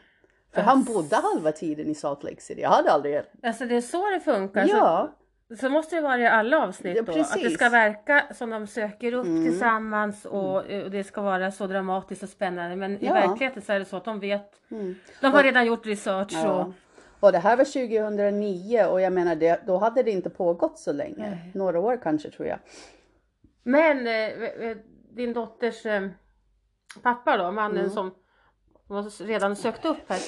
Eller har, har koll på var Ja, han finns. det, det är lite lustigt Visste också. han då redan om? Jag säger så här. De reste runt, de började på Oahu, alltså Waikiki, Oahu, ja. Stor, ja. Mm. Honolulu kan man säga. Och sen så spåra och jag sa det hela tiden, ja men jag vet att han är i Hawaii. Det visste jag, för det, där var han sist jag hörde någonting. Och så reste de runt och det var spännande och de stötte på den ena roliga figuren. För han körde motorcyklar, Harley Davidson, hade lite Ja. lösa anknytningar med Hells Angels och sånt. Det, Ja, lite free, free spirit. Ja, så när vi var ihop och han släpade mig med mig på såna här Hells Angels parties kommer jag i en rosa piké Ralph Lauren. Ja, du Ja. vet piké Ja, tröja. ja. Jag var Och rosa också. rosa också, Gud, det värsta jag vet, 1986. rosa piké. Ja, men det är ju inne idag ju. Ja, det var inne då också. Stureplanstanten. Inte, inte på Hells Angels fester då, men det funkar. Jag blev jättegoda vänner med dem. Jag var lite Mm. av en kuf kanske, jag vet inte. Men när de hittade honom i alla fall. Nej, jag ska säga så här. Medan de var borta så var jag och min familj då i Vemdalen. Så fick jag telefonsamtal på morgonen så, så är det min dotter så säger hon Mamma nu har jag hittat honom. Jag bara jaha vad kul. Ska du prata med honom? Och jag bara nej det behöver jag inte. Så plötsligt hej eller hello. Och jag, och jag har inte pratat med den här Mm. karln på Ja. ja år och dag. 20 år kanske. Eller nästan. Och då är de där då på Hawaii. Ja, och, han, och då frågar jag honom, var du överraskad? Vet du vad han säger? Nej. Ja, jag har väntat i fem månader på det här. De hade kontaktat honom. Jaha, det är Ja. så det går till. Det är så det går till. Och när man tittar på avsnittet, Mm. när han öppnar dörren och Ulrika berättar om hans dotter, han bara åh, äntligen, ja han kommer inte ihåg exakt Mm. vad, det är ganska länge sedan jag såg det, men eh, han, han försäger sig. Vet man, då, då ser man att han, och jag vill bara dementera att han såg inte ut sådär när vi var ihop, utan han var jättesnygg. Han är sex ser år ut äldre. som ett ras nu då eller? Nej men han, han är ganska tjock. Och det, han såg ut som en Tom, alltså alla tyckte han såg ut som Tom Hanks när han var... Men du ska tjock, det är pondus. Ja det vet jag inte heller man ska på. Säga hade- lite finare. Nej det, nej det tycker jag inte. I alla fall så det är jättefint eh, avsnitt. Men det är intressant att höra det där att hur det går till när man tror. Nu har inte jag sett Spårlöst så jätteofta, det är inte mitt favoritprogram. Jag vet syrran min, hon följer ju det slaviskt.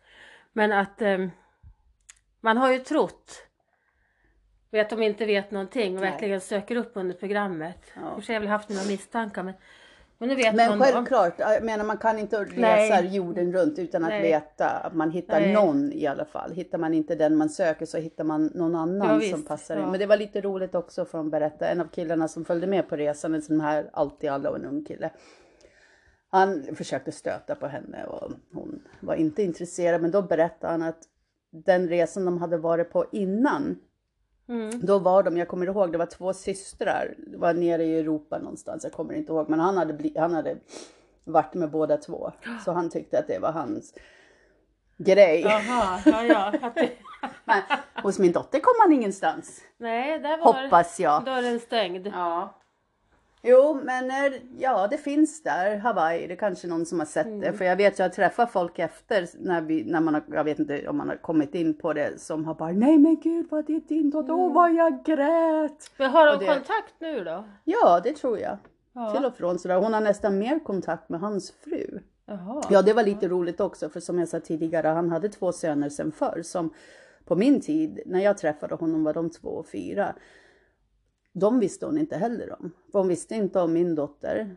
Hon Nej. visste inte om hans två andra barn, men nu vet Ja, hon. Men hon, är jätte, hon verkar. Ja. jättegullig, så hon har verkligen liksom Ja. hon. Men hur det är med han, det, jo det är klart de har kontakt, men jag Mm. brukar inte lägga mig i det. Alltså jag måste ju, sen när vi har spelat in podden då ska jag titta på det här. Ja, men vi kan titta på Ja, det när vi har gjort precis, det. ja. Och jag tänkte, fan vilken story. Men du, ska vi ta en stänkare? Skål. Skål! Det är så att jag blev bjuden här på en drink och Petra, Petra är jävligt duktig på drinkar, på cocktails. Ja, au. Ja men det är det ju verkligen. ja, den här var jag väldigt Herregud. duktig på. Den här slängde jag bara ihop i en tillbringare. Ja, och eh, ska vi säga vad det är? Alltså det var Ja, ju så men gott jag, kö- det jag köpte en bok. Mm. En... Ja, jag gillar reality. Jag med. Ja, hon Om det är någon som lyssnar som följer Wonder Pump Rules på TV. Det är den nyöppnade baren, Tom Tom. Ja. Dit vi var som... Pratade vi om det sist? Jag kommer inte ihåg. Nej, jag kommer inte ihåg. Alla- jag, jo, men det, jo, det gjorde du visst. Ja, nämnde att det jag var hade in- med den här boken Ja. hem till dig sist, men Mm. vi hann aldrig titta i den. Men idag har vi tittat i den. Eh, två av eh, de som spelar i den här, eller spelar, som är med i Vanderpump Ja. Rules, de har gett ut en drinkbok som heter Fancy AF Cocktails. Jävligt roliga drinkar. Man, Ja. man sitter och bläddrar i den Och just den här som jag provisoriskt bara slängt ihop nu till Veronica och jag, det är en som jag drack på TomTom i november. Som jag drack alldeles för många av. Som Och var väldigt dyr var den, va? dyra som satan. Men ungefär, har jag hört. betalar för den ungefär Alltså då? du får fråga Niklas när han kommer hem för det kan jag inte svara säkert, på. eh, säkert ett par 300. Eh, USA nej, så mycket tror jag inte. Men säkert 160-170. Ja, ja. Men då den här boken har en massa goda recept. Ska vi ta och avslöja vad det är i den här drinken eller ska det vara lite Ja, secret? det är... ehm, det är, vad heter det där på svenska? Det är, vet du det, inlagd, Nej, rökt pap, inlagd, rökt inlagd rökt. paprika, alltså som man Ja. köper på burk bara. Ja, som jag har hackat och slängt ner i en tillbringare så hade jag på lite stevia, sötströ. Eh, jag orkade inte göra sockerlag eller stevia-lag då eftersom jag är keto så jag kör inte Ja, du din keto. Ja fast det är passionsfruktjuice och den är inte keto Ja, men det, det har vi överseende med. Ja. Så är det limejuice ganska mycket. Passionsfruktjuice. Tequila, Tequila. inte att förglömma. inte förglömma tequila. Och eh, lite Loka för att dryga ut det hela. Annars är det så små drinkar och då Och sen har vi chilipeppar runt kanten Ja. lite fint har på glaset. en klassisk sån här um, kant på glasen. Du Mm. har väldigt mycket chili kvar på din. Min var borta två drinkar sen. Ja, nu brinner lite i käften på mig. Ja, Men, Men- alltså jag har sällan smakat en sån god drink. ja men det är paprika. Man kan inte tro att Nej. röd paprika. För att i originalreceptet så är det röd paprika och mynta som man muddlar. Men det orkade jag inte så jag bara. Mm. Mm. Därför att eh, jag är inte jättestor sån här cocktailentusiast. Det är mer brännvin och Nej, fan. sockerbit. Jag tycker om vin, whisky, en GT, ja, Mm. mojito, Mm. sådär. Men nu blir det mer, alltså du, den här boken då ska vi prova oss fram, smaka av goda oh, drinkar. Ja, jag har flaggat de bästa recepten. Mm. Till nästa podd får vi ta. Ja, nästa podd får vi ta, vad, fan heter den jag såg på jobb, eller på jobb, jag har ju faktiskt inne och googlat. Skinny Bitch tror jag den hette. Ja men det är vad jag Det var ju- inte dricker. Det är bara vodka Det var och Loka och Vodka citron. och Loka. Ja. det var det Malin höll på att reta. Men, men morsan hon dricker en sån här skinny bitch. Och jag bara jaha vad heter det? Ja. Ja, men jag kunde bli det. Bitch är jag väl ibland, men inte så skinny. ja. Nej usch, det där var inget roligt. Nej det är eh, tråkigt. Men det, det här var ju en jäkla historia här. Jag tänkte, eftersom vi har ganska mycket tid på oss, så ska jag dra lite om det här äh, vansinnes... Ja jag tycker det. För jag kommer eh, ihåg när det uppdraget. hände i real life. Och ni Mm. som känner oss och var där då på jobbet alltså när man fick höra det här. Det Men var... när den här människan till och med ringer till jobbet Ah. mitt i natten och... eh, Ja men börja från alltså, början. det var ju hemskt. Ja, nu byter vi ämne här, men det var ju den här tjejen från England, från London. Eh, ja, jag kan till och med säga namn. Hon sitter ju knappast och kan lyssna på det här och förstår inte svenska. Kate, henne lärde jag känna när jag bodde i Thailand i drygt sex år, hade restaurang där. Och eh, på en av de här turistöarna, Koh Chang. Och hon levde då tillsammans med en thailändsk man och de drev också en liten bar på den andra sidan ön. Vi lärde känna varandra men, och blev ja, vänner men inte nära vänner på något vis. Vi träffades då och då. Jag var upptagen på mitt håll och hon på sitt håll. Och nu i efterhand så kan jag ju, alltså jag tänker tillbaka så har jag sett varningssignalerna redan, eller jag borde ha sett det på Thailand. Alltså hon var alltid väl ganska uppstressad. eh, Hon drack för mycket. Hon kom en dag och drog upp sina solglasögon och visade mig. Då hade hon världens blåöga. Hennes kille hade slagit henne. Jag tyckte det var fruktansvärt. Nu efterhand förstår jag att hon har provocerat fram det där. Alltså det rättfärdigar inte att slå en kvinna på något vis. Är fru- fruktansvärt. Men jag tror att hon provocerade fram det våldet. Och då hade inte vi haft kontakt med varandra på, ja, sen jag kom tillbaka till Sverige då. Sju, åtta år nästan. Och så plötsligt så hör hon av sig till mig igen och vi började prata ganska mycket. Alltså det var på Messenger bara varannan dag. Och ringde varandra och då bor hon i London. Ehm, men bodde alternerade mellan att bo hemma hos sin tvillingsyrra som är gift och hemma hos sina föräldrar. Och redan där tyckte jag det verkade liksom märkligt att hon ändå är så pass gammal men liksom hade inte något ordnat liv alls på något vis. Men vi började prata och först var det väldigt roligt och trevligt. Och sen så blev det liksom eskalera att hon började dra upp en massa familjeproblem. Det var alltid någonting hon var arg på. Var det inte sin syrra så var det någon i familjen, någon annan i familjen.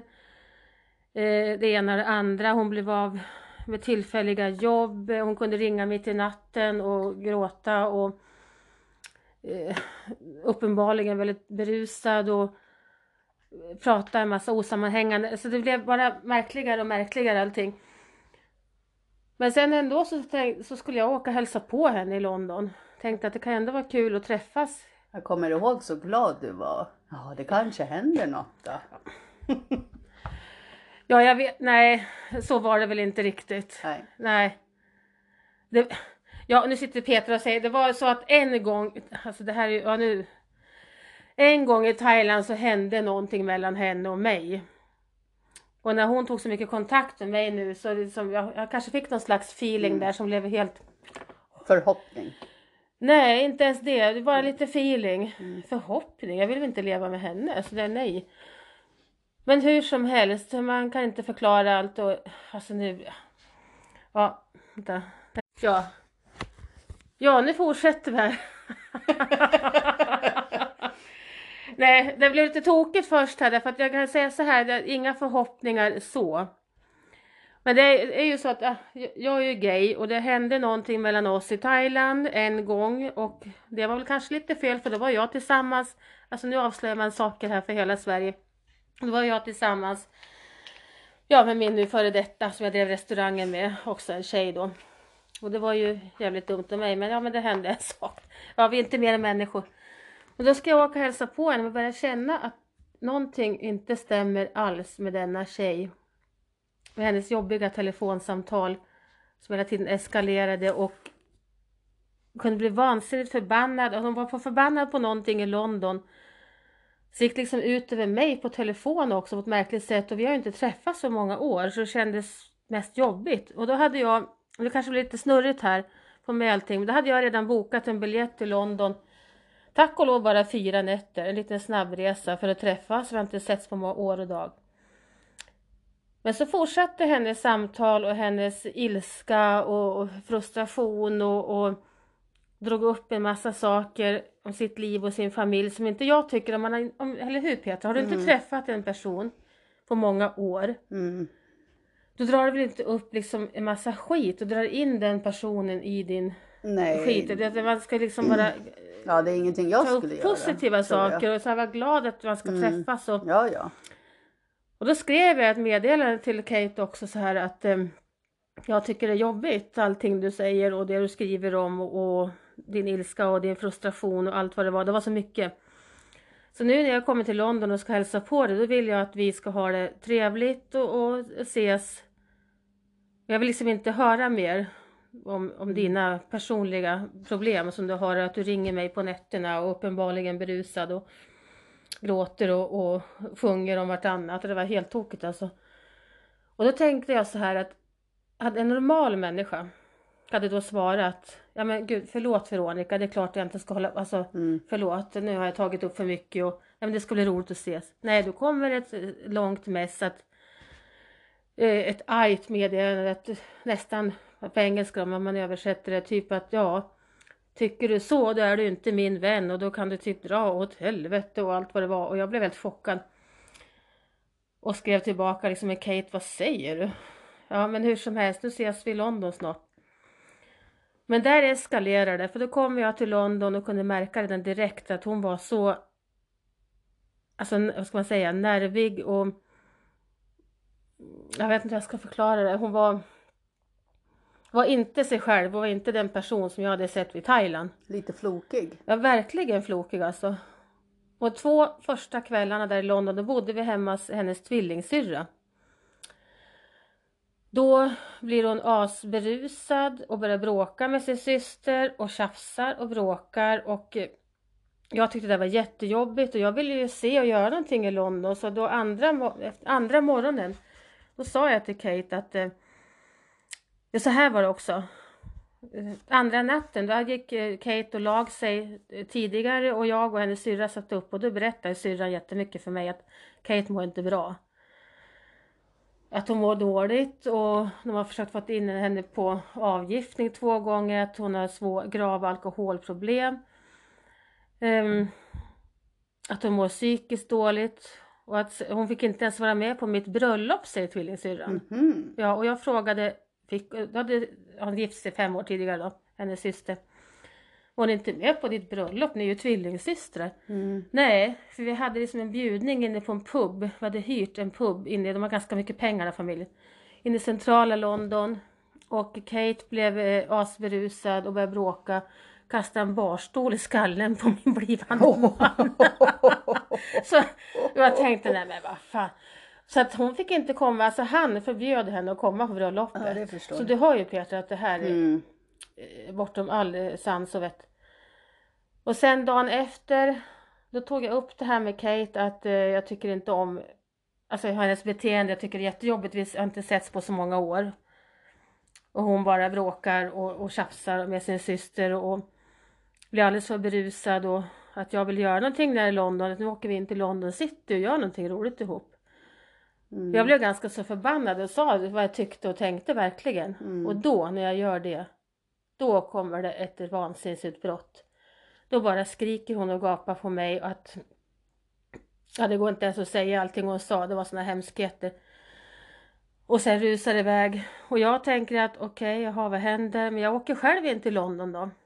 För jag vill ändå se någonting av London. Ja, självklart. Så jag drar in till London och där under över dagen. Och så tänker jag att jag åker hem sen då på eftermiddagen. Och så har det väl säkert lagt sig, så kan vi gå ut och käka allihop. Jag tänkte jag skulle bjuda Kate och hennes syrra på middag, eller vi går ut och käkar. Men då kommer ett meddelande på telefon från henne att du ska ut ur huset. Nu, annars så typ dödar jag dig. Åh oh, gud. alltså, jag, alltså det var så hemskt. Bara när jag, skår, bara när jag ser det meddelandet så får jag nästan panik. Jag tänkte, så jag kastar mig in i en taxi. Taxi, och dyrt blev det också. Hem till huset där. Då var inte varken Kate eller tvillingsyrran där. Låser in mig på rummet. Eh, tar och panikbokar ett hotell in i London för dagen efter.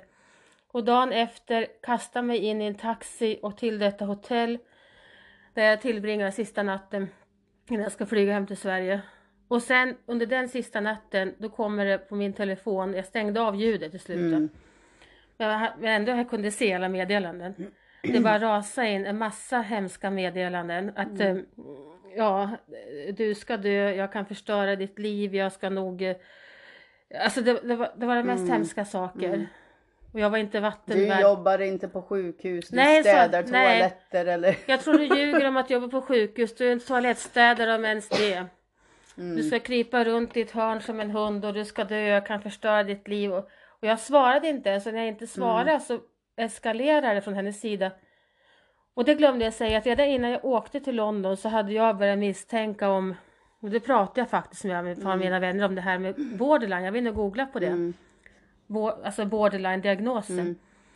Och det var som att pricka av en checklista Ja. med allting. Det här är ett eh, fruktansvärt humör och som inte har relevans till det som händer. Att, Mm. Vi kan alla bli förbannade och arga. Mm. Men det här är en sån otrolig ilska som bara kom blixtsnabbt. Och utan någon större anledning. Och, eh, och det här med borderline-personer, att de kan först vara väldigt insmickrande, precis som hon var. Och vad roligt att vi träffas Veronica, jag saknar dig, bla bla. Nästa sekund så är du inte vattenvärd och det kommer hemskheter ut ur käften på denna person. Eh, självskadebeteende, för det har hon tydligen ägnat sig åt också. Eh, det här att inte kunna behålla ett jobb, eh, ge sig in i märkliga destruktiva sex... Ja, ursäkta, ja. Jag tänkte bara, jag kommer ihåg när du berättade det här, för jag vet, vi visste att du var där och vi var på jobbet. ja. Och när du kom hem och du berättade om när hon låg och sov med fläkten. Ja, det är det jag ska komma till Okej, nu. förlåt. För det jag förstår är också att det ofta har borderline-personer, och det jag sist sa innan det här, det var destruktiva sexuella relationer ger en borderline-person sig ofta in i. Och det, Kate har varit inne i massa märkliga relationer kan jag säga. Som har blivit helt fel och varit nästan skadliga för henne. Men det här som du säger Peter med fläkten. Mm. För då låg hon och sov på nätterna i sitt lilla rum där och syrran med en sån här golvfläkt precis bredvid huvudet. Vid ansiktet. Det var inte speciellt, det här var i september i London, det var inte speciellt varmt kan jag säga. Nej. Så jag så frågade henne, vi ligger och sover med fläkt bredvid huvudet. Ja, det är för att jag har tinnitus sa hon då. Men sen när jag har googlat mer på det här med borderline, att de ofta har en dubbeldiagnos, oftast är det borderline schizofreni. Och då undrar jag, det här med tinnitus, som inte var mer att hon kanske hörde Röster. röster och så då. Och sen alla, alla dessa märkliga mess som skickar till mig. Då kunde hon säga så här. E, e, ena messet kommer. Ja Veronica, jag kan ge mig fan på att inte du har några vänner. En sån vidrig människa som det är väl inga vänner. Sen en minut senare kommer ett mess. Förresten, vad tycker dina vänner om Brexit? så du, du hör ju vilken sjuk Ja. människa. Men det som är droppen var, som du alla på Mm. jobbet vet också, när hon ringer till mitt jobb. För då hade Ja. du skrivit att, Ja. för jag skrev till henne att liksom, låt mig vara i fred och du, du är sjuk, du Mm. behöver hjälp Kate skrev jag. Jag tror att du har borderline och då eskalerar det. För att det Mm. du inte ska jag säga till en person med den diagnosen att de har det. Nej. För då, då lägger du som säger, tändvätska Mm. på elden. Va? Så då får jag ett mess, då eskalerar det. Fick jag bara en sån här skärmdump. Gävle sjukhus. Då förstår jag att de söker upp jobbet. Mm. Jag fick ju panik alltså, ringer ju till jobbet. Mm. Är det någon som har ringt här och pratar engelska? Jo, då hade hon ju gjort Ja. det. Två gånger. På natten ja. På natten. Mm. Alltså, jag, jag mådde så jävla dåligt. Hela jobbet fick ju reda på det här. Mm. Jag pratade med våran chef och allting Mm. och han sa ju att ringer hon en gång till då ska det bli det polisanmälan. Mm.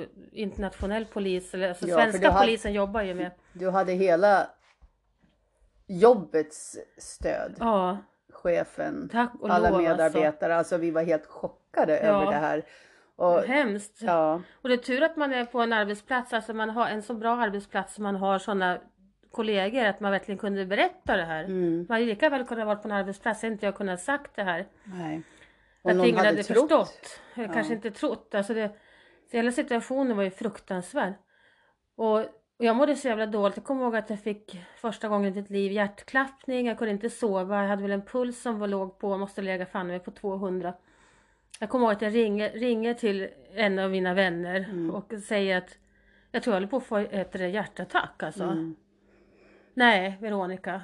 Du är bara så jäkla stressad över det som har hänt. Mm. Och var ju sjukskriven några dagar också. Det var hemskt. Men då skrev jag till Kate och sa att nu vet alla på mitt jobb om det här. Och att om du hör av dig en gång till, då blir det polisanmälan. Mm. Hade hon inte skrivit någonting om att hon skulle skicka några hit för att göra någonting? Eller Nej, nej, det hade hon inte Nej. gjort, tack och lov. Och att jag, bor så, att jag inte bor i England eller att hon bor i Sverige. För Ja. hade jag fan inte sovit bra om nätterna. Nej. För en sån här person, det har, alltså, jag, jag har verkligen googlat jättemycket just på borderline. Mm. En sån här person kan ta sig till nästan var som helst alltså. Mm. Så det var en, ja, det var en jädra upplevelse. Mm. Då var det hemskt. Nu kan man sitta och tänka, inte att jag, jag, jag kan skratta åt mig själv. Jag ser mig själv när jag flyr iväg från lägenheten.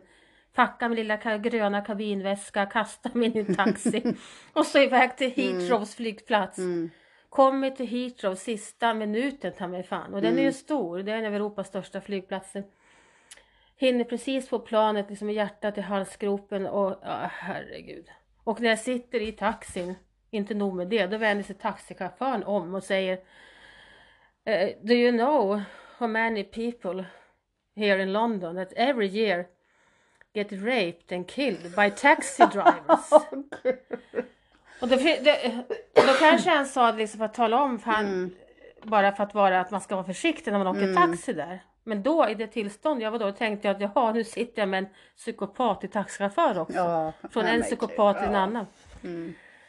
Ja, Vet du vad jag känner? nej. Du har jädrans dramatiska reseupplevelser. Ja, I förra avsnittet ja det är något låg du upp och ner i en buss i Afrika. Och sen när man jagar Med en genom giraff som tuggade på håret.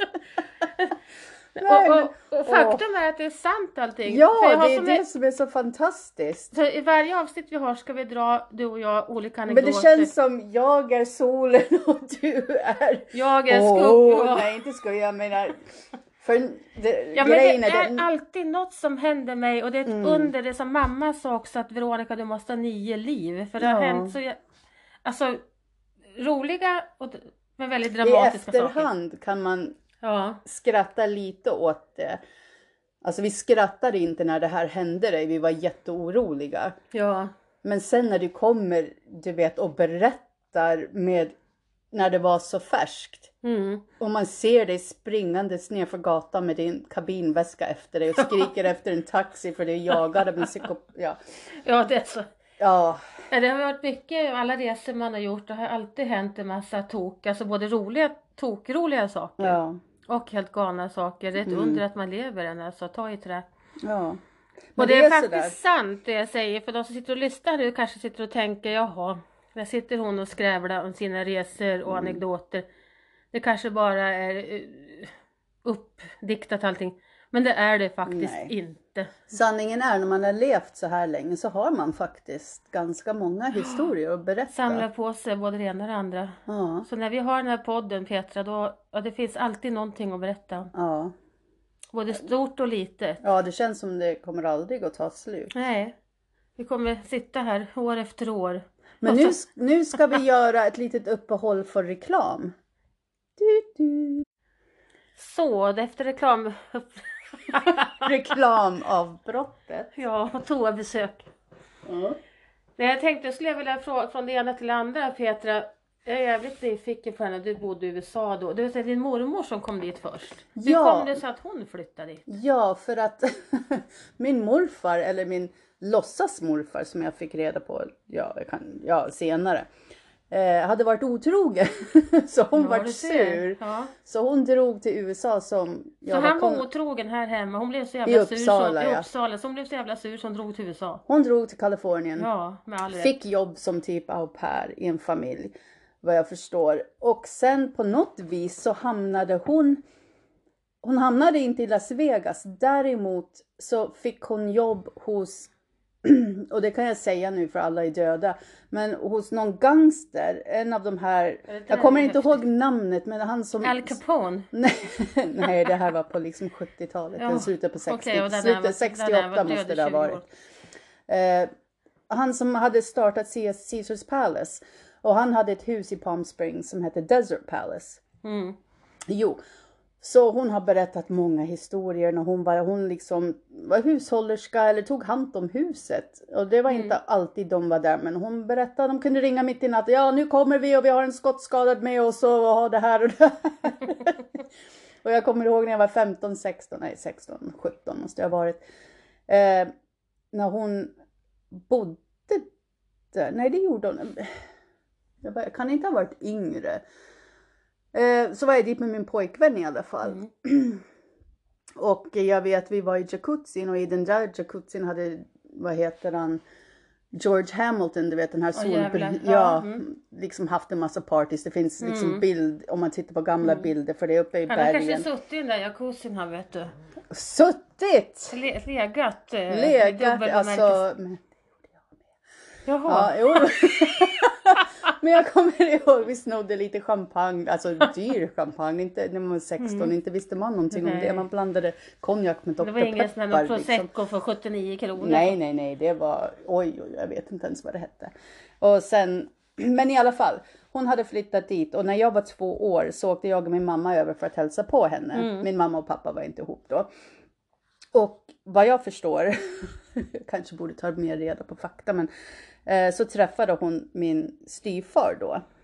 För att sen när jag var fem år gammal så flyttade vi dit Ja. permanent. Ja, och det är i början av 70-talet då. Mm. Jag vet alltså det låter så gammalt. Man tänker hur länge sedan var 70-talet? Det är liksom aplänge sedan. Men Åh, härliga 70-tal. ja, härliga 70-talet. Men eh, Eller härliga alltså, det här är 80-talet. spännande alltså. Verkligen. Och Så- din mamma lever ju där nu. Ja, hon bor kvar där. Trivs som. Jag har ju sett bilder och visat på hennes hus där. Ja. Det är så värsta mansion. Nej, men hon bor på en country club. Och där är det jättemysigt för de, deras bakgård är pool och sen golfbana. Nu är inte jag någon golffantast. Det är ingenting jag ens tycker Nej, det om. verkar vara en jävla tråkig sport. Ja, men det kan man säga. inte säga i min släkt där borta för alla spelar Ja, golf. ja. Eller inte alla, men min bror, min nya styvfar. Minigolf spelar jag ett par gånger. Jag Samma, hatar det- minigolf, jag kan inte spela, jag har inte tålamod. Det enda jag kan spela är Yatzy. Ja, men det är du bra på. Ja, vet du vad? Vi spelade Yatzy för jag började ta D-vitamin och jädrans så pigg jag är. Ja. Så igår kväll efter jobbet, jag la mig inte ens i soffan utan jag studsade runt och sen när Niklas kom hem, vad nu ska vi spela Yatzy? Jag tror vi spelade sex spel Yatzy och sen lagade jag mat och så åt vi och så tittade jag på National Geographic Wild. för det har inte försvunnit än men jag säger vi måste ha det.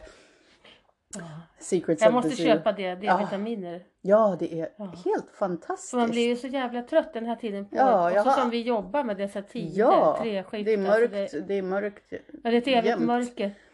Så att, eh, det- nej. Men sen snart åker jag i alla fall till solen. Ja. Som det bär av till Thailand igen då. Ja. Ja, vi ska tills dess veta hur vi gör de här poddarna på två olika håll. Vi är Ja. så otekniska båda två så jag ber Ja, om ursäkt jag är om det här allra mest låter... otäck. Petra kan, du kan ju ändå mer än mig. Jag är totalt... Men jag har en 19-årig son som läser på Ja, högskola. det får lite hjälp där. Det hade varit kul om vi kunde sitta, eller på varsitt håll då när jag är borta i Mm. Thailand. Jag sitter utanför, på verandan utanför min bungalow. Ja. Och så sitter du här i källaren. Nej, men då behöver jag inte sitta i källaren. Ja. I sovrummet här i källaren och så sitter vi där och snackar. Ja.